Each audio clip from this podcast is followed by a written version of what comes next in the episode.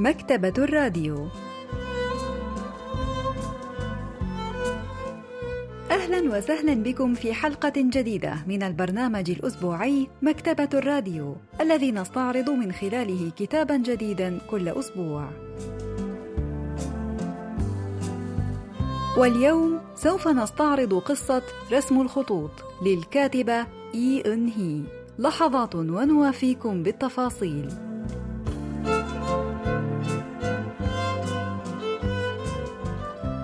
رسم الخطوط هي قصة نشرت عام 2015 وبطلة القصة وراويتها هي طالبة في المدرسة الثانوية اسمها جيسو وهي فتاة رقيقة ضئيلة الجسم مقارنة بأقرانها كما أنها حساسة للغاية لدرجة أنها فقدت شهيتها بسبب ذكر فضلات الطعام اللزجة. ولذلك انزعجت بشدة حين سقطت فوطها الصحية من حقيبتها المدرسية في الباص وهي ذاهبة إلى المدرسة في ذلك اليوم.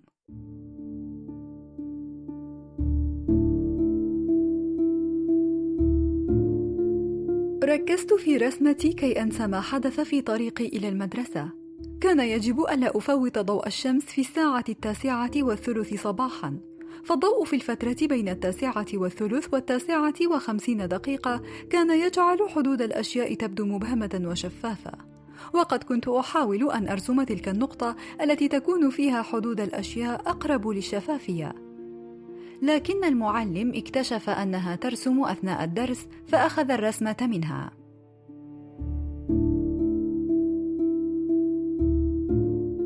كانت أسرة جيسو قد انتقلت مؤخرا للعيش في شقة بنيت منذ ثلاثين عاما. وكان الجزء الفقير من البلدة يقع خلف المجمع السكني الذي يضم تلك الشقة. وكان الحي يضم جداريات ملونة هي جزء من مشروع تطوير المدينة.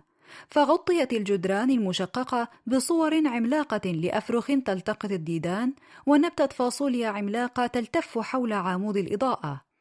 كما كان هناك أيضا لافتات بلون أحمر كالدم تعارض مشروع التطوير وكانت والدة جيسو قد جعلتها تعدها بأنها لن تغامر بالتجول في ذلك الجزء الخطر من البلدة لكنها كانت تذهب إلى هناك دون تردد لأنه كان مكانا مناسبا لاستراق لحظات تدخن فيها السجائر في الخفاء.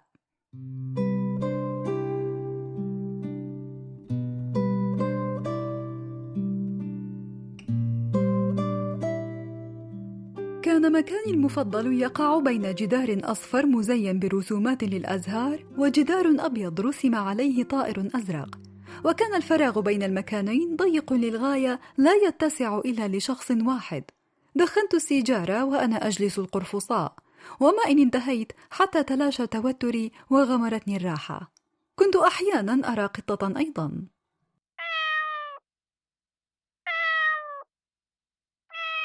لم تهرب القطة بل ماءت ساخرة.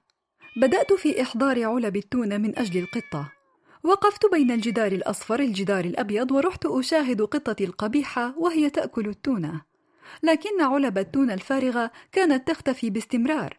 ولاحظت أيضا أن أحدهم كان يجمع أعقاب السجائر التي كنت ألقيها. اكتشفت بعد ذلك أن امرأة عجوزا كانت تجمع العلب الصفيح. كانت تزم شفتيها وتهتز مع كل خطوة تخطوها. رأيت هذا مرة تختفي وراء التلة وهي تحمل كيسا بلاستيكيا ضخما.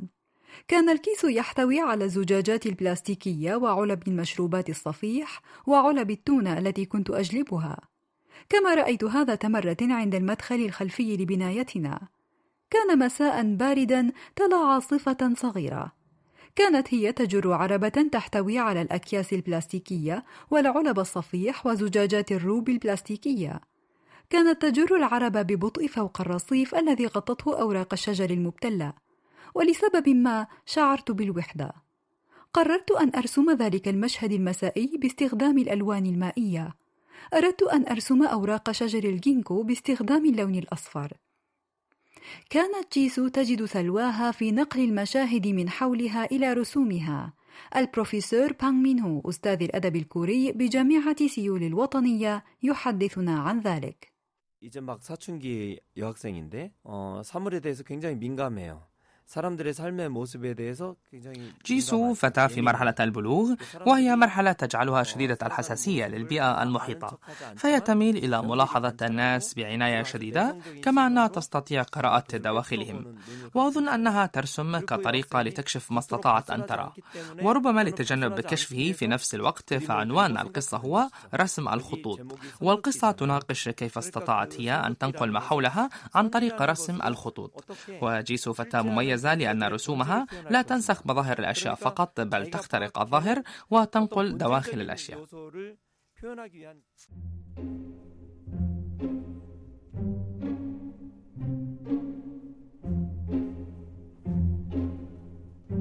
عقد أول اجتماع للسكان منذ انتقال أسرة جيسو إلى المجمع السكني وقد اصطحبتها أمها إلى الاجتماع رغم أنها لم تكن تريد ذلك. كانت إحدى المشاكل المطروحة للنقاش هي إلقاء بعض السكان لنفايات الطعام من النافذة ومع فشل السكان في التوصل إلى حل انتقلوا إلى المسألة التالية وهي مشكلة السيدة المسنة التي تأخذ الأشياء من سلال النفايات المخصصة لإعادة التدوير في الحي. بدأت جيسو في التركيز في الحوار حيث خمنت أنهم يتحدثون عن المرأة المسنة التي كانت تجمع علب التونة.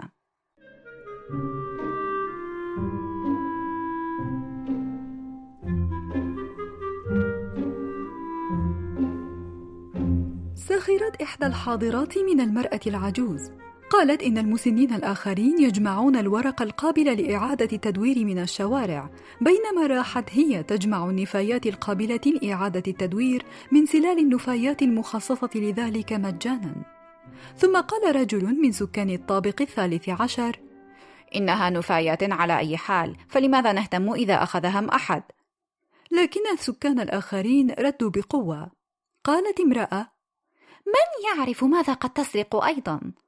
بدأ الجميع يتحدثون في الوقت نفسه بصوت عال قال أحدهم لقد ضاع مني بعض الطرود عند مكتب الأمن ولو فكرت في الأمر لوجدت أن مصاريف التخلص من النفايات تحسب ضمن ما ندفعه من نفقات صيانة شهرية فلماذا يكسب شخص ما عيشه من بيع نفاياتنا؟ همست إحدى النساء كنت أترك بعض الأشياء لها عندما كنت أريد التخلص من شيء ما فكنت أبقيه من أجل المرأة العجوز في الخارج. كنت أفعل ذلك حتى لا تدخل المرأة إلى المجمع السكني. وقال ساكن آخر يقولون إنها في الواقع امرأة ثرية لها أملاك عديدة لكنها لا تزال تحرص على جمع النفايات القابلة لإعادة التدوير رغم ذلك وتتلقى إعانة من الحي. إنها امرأة شديدة الحرص. قالت أخرى إنها سمعت الشائعة نفسها ثم قالت امرأة من الحضور ربما تفعل ذلك على سبيل التريض لن يعترض أحد طريقها طالما هي بعيدة عنا لكنها تأتي دائما شعرت بالارتباك من كل ما سمعته عنها وتذوقت شيئا حامضا في فمي 사람들이란 참 이상해서 어떤 집단이 있으면 그 집단의 타자를 설정하고 그를 이렇게 الناس كائنات غريبة فعندما يجتمعون يميلون إلى اختيار هدف ما لتحقيره والتنمر عليه كما أنهم يعني ينصلون من المسؤوليات أفعالهم فيلومون الآخرين عليها ويفصلون أنفسهم عن الآخرين ليمارسوا التمييز العنصري ضدهم فالناس يكونون جماعات وينقلبون على ما لا يتناسب مع الجماعة التي ينتمون إليها والمرأة العجوز التي تجمع النفايات الورقية تجمع كل الصفات التي يميل سكان العقار إلى تحقيرها والتقليل من شأنها فقد رأوا أنها فقيرة ومختلفة بشكل يجعلها لا تنتمي إليهم. وبالتالي فهي من وجهة نظرهم تستحق التحقير والسخرية. تشاجرت جيسو مع والدتها فور أن عادت إلى المنزل ورفضت تناول الطعام الذي أعدته لها والدتها.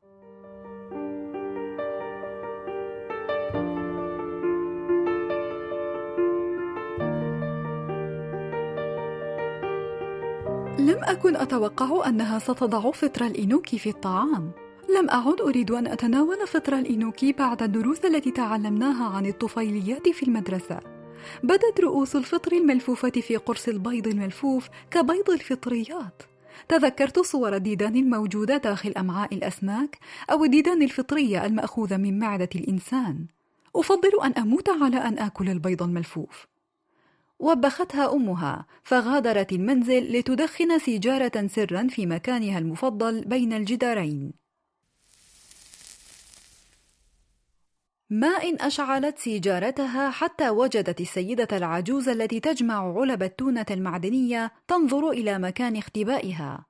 نهضت جيسو فجأة فجفلت السيدة العجوز. بعد بضعة ثوان من الصمت لوحت السيدة العجوز بيدها ناحية جيسو.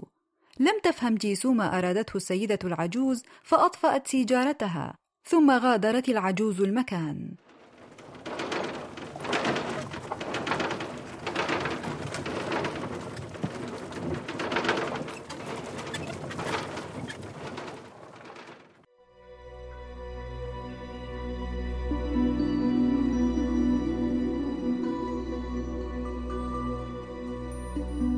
رسمت طعاما يلقى من النافذة ذات مرة.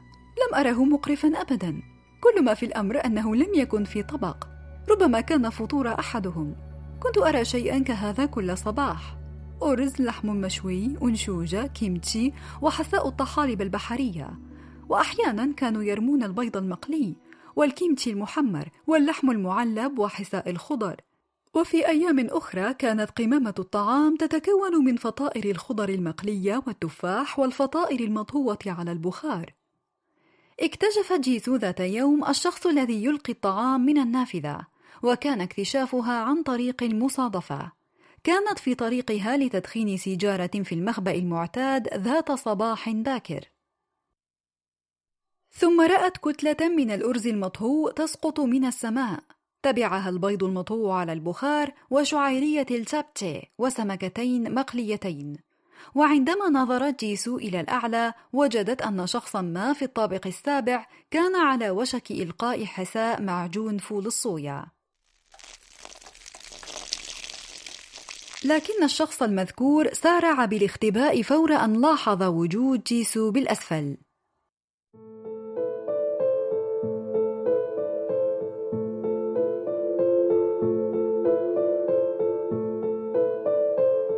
رسمت صورة لسمكتين مفتوحتي الفم. رسمت الدموع الجافة في أعينهما وأسنانهما الدقيقة الحادة وكيف أن إحداهما كانت أكثر تفحما من الأخرى.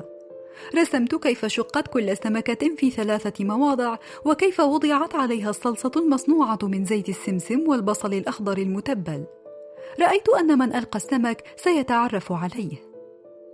وضعت جيسو الصورة التي رسمتها للسمكتين المطهوتين على جدار المصعد. وبعد عدة أيام قابلت المرأة التي تسكن في الطابق السابع في السوبر ماركت نظرت المرأة حولها أولا لتتأكد من عدم وجود أي شخص في الجوار ثم سألت جيسو سؤالا. أنت الفتاة التي ألصقت رسمة السمكتين في المصعد صحيح؟ خطوت خطوة إلى الوراء ابتسمت المرأة ابتسامة مصطنعة وقالت: ربما لا تعرفين هذا لأنك لا تزالين صغيرة، لكن بعض الناس يعدون الطعام لأفراد العائلة الذين يعيشون بعيدا. هكذا نستطيع الاطمئنان أنهم يأكلون جيدا ويحافظون على صحتهم حتى لو كانوا في مكان بعيد غريب. قد لا يعرف الكثيرون هذا التقليد القديم اليوم، لكننا كبار السن نلجأ إليه لنطمئن على عائلاتنا. وقفت أحدق في المرأة تخيلت شيئا مبتلا لزجا يخرج من فمها. كانت أنفاسها ثقيلة وقد خفضت صوتها وهي تقترب مني. قالت لقد توفي ابني منذ فترة. ابني الطويل الوسيم. مات في حادث أثناء فترة تجنيده بالجيش. نظرت إلى السماء وهي تقص علي الأمر. بدت على وشك البكاء. حاولت أن أبتعد لكنها ظلت تتبعني. عادت تقول أنا لست مجنونة. كنت منشغلة للغاية في العمل لدرجة أنني لم أكن أملك الوقت الكافي للتأكد مما إذا كان يأكل جيدا أم لا. كان شابا طويلا قويا ولهذا كان جائعا على الدوام. كان يجب أن أتأكد مما إذا كان يأكل جيدا حتى لو كان في مكان بعيد عن المنزل. مسحت المرأة التي تسكن في الطابق السابع دموعها؟ قالت هل تعرفين مبلغ وسامته؟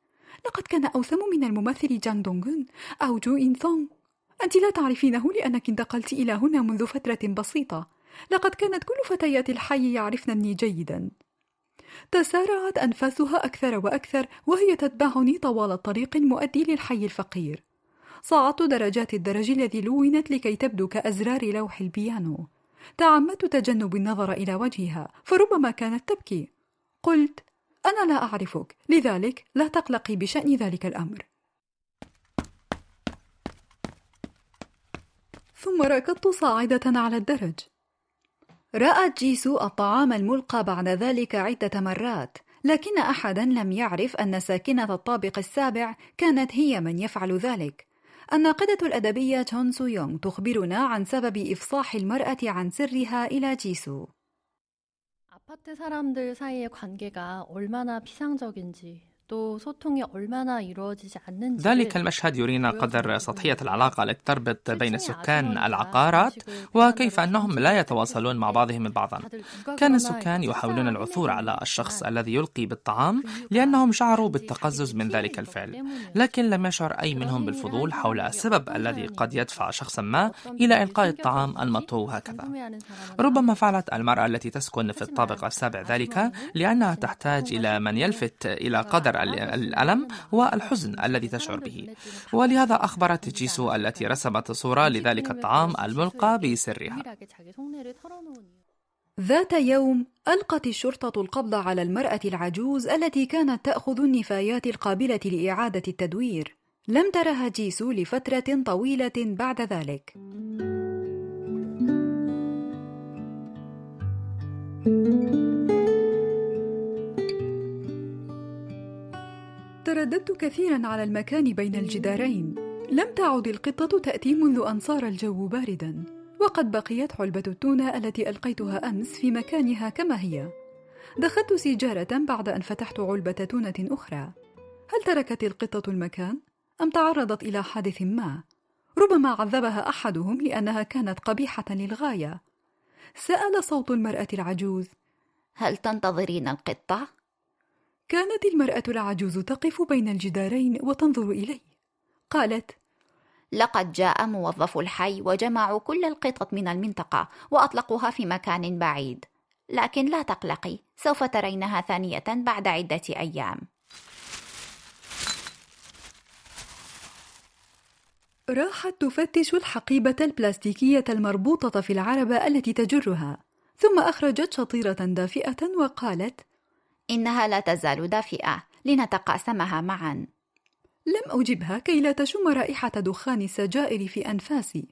كانت الشطيرة من متجر أمام المدخل الخلفي للمجمع السكني الذي أعيش فيه. كان الخبز المحمص يحتوي على البيض المقلي. كان دهنيا لكنه كان دافئا ولذيذا. أكلته في لمح البصر لكن المرأة العجوز كانت لا تزال تمسك بنصف الشطيرة الخاص بها. سألتني إن كنت لا أزال جائعة ولم تبدأ هي في الأكل إلا عندما هززت رأسي نافية. قالت إنه لذيذ جدا. تلك المرأة تعرف كيف تعد شطائر شهية وهي تعطيني شطيرة مجانية عندما لا يكون هناك زبائن في الجوار. الناس في سيول طيبون ومتعاونون للغاية. عندما أنهت شطيرتها جلبت علبة التونة وقالت لا تتركي التونة في العلبة المعدنية فقد يجرح طرفها الحاد القطة عندما تأكل. ثم نظرت إلي وقالت ويجب ألا تدخني في سن صغيرة كهذا. يجب أن ينمو جسدك ويطول أكثر. أطرقت برأسي في خجل بينما سحبت المرأة العجوز عربتها واتجهت نازلة للتلة. أما ساكنة الطابق السابع فقد اكتشف أحد الحراس أمرها ذات يوم. كان يتجول في الصباح الباكر ورآها تلقي الطعام من النافذة بعينيه لكنها نفت التهمة بعنف. لماذا تتهمني؟ أنت لا تعرف أي شيء. أنت مجرد حارس عقار. لا أطيق أن يتم اتهامي بشيء لم أفعله. كانت المرأة تصرخ في وجه الحارس وتطالبه بالاعتذار لكن عندما رأت جيسو تراجعت وتوقفت عن الصراخ. قالت لماذا لا تعترف أنك أخطأت فحسب؟ لا فائدة من عنادك لأن الجميع يعرف أنني لم أفعل ذلك. ثم أقفلت الباب بكل قوة. وضعت رسما لطعام ملقى على الأرض. أرز من وعاء مقلوب ونقانق مقطعة قطعا صغيرة تبدو كالأخطبوط رسمتها تتجه نحو الفلفل الأخضر وتمسك الأرز. رسمت واحدة من النقانق تركع على ركبتيها وتصلي إلى السماء. كانت هذه الرسمة من أجل المرأة في الطابق السابع. أرادت جيسو أن ترسم شيئا للمرأة العجوز التي تجمع علب التونة أيضا.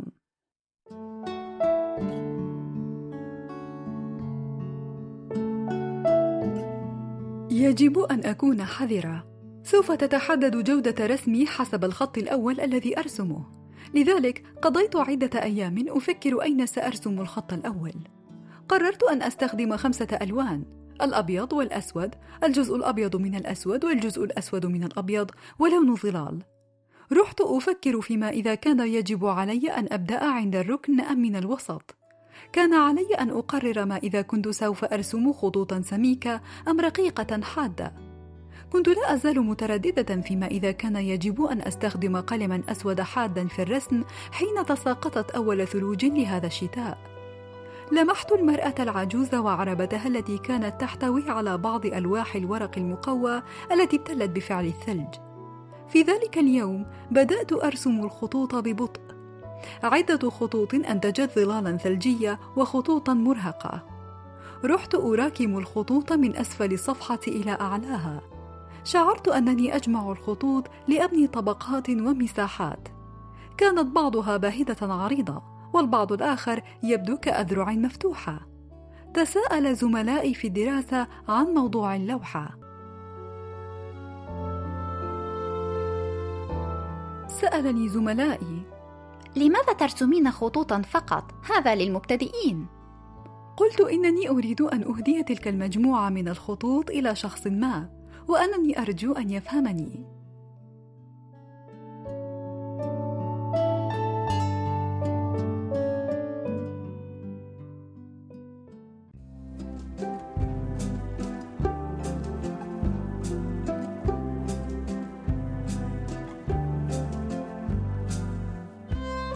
استعرضنا معا قصة رسم الخطوط للكاتبة إي إن هي وإلى اللقاء في الأسبوع القادم مع كتاب جديد ومبدع جديد.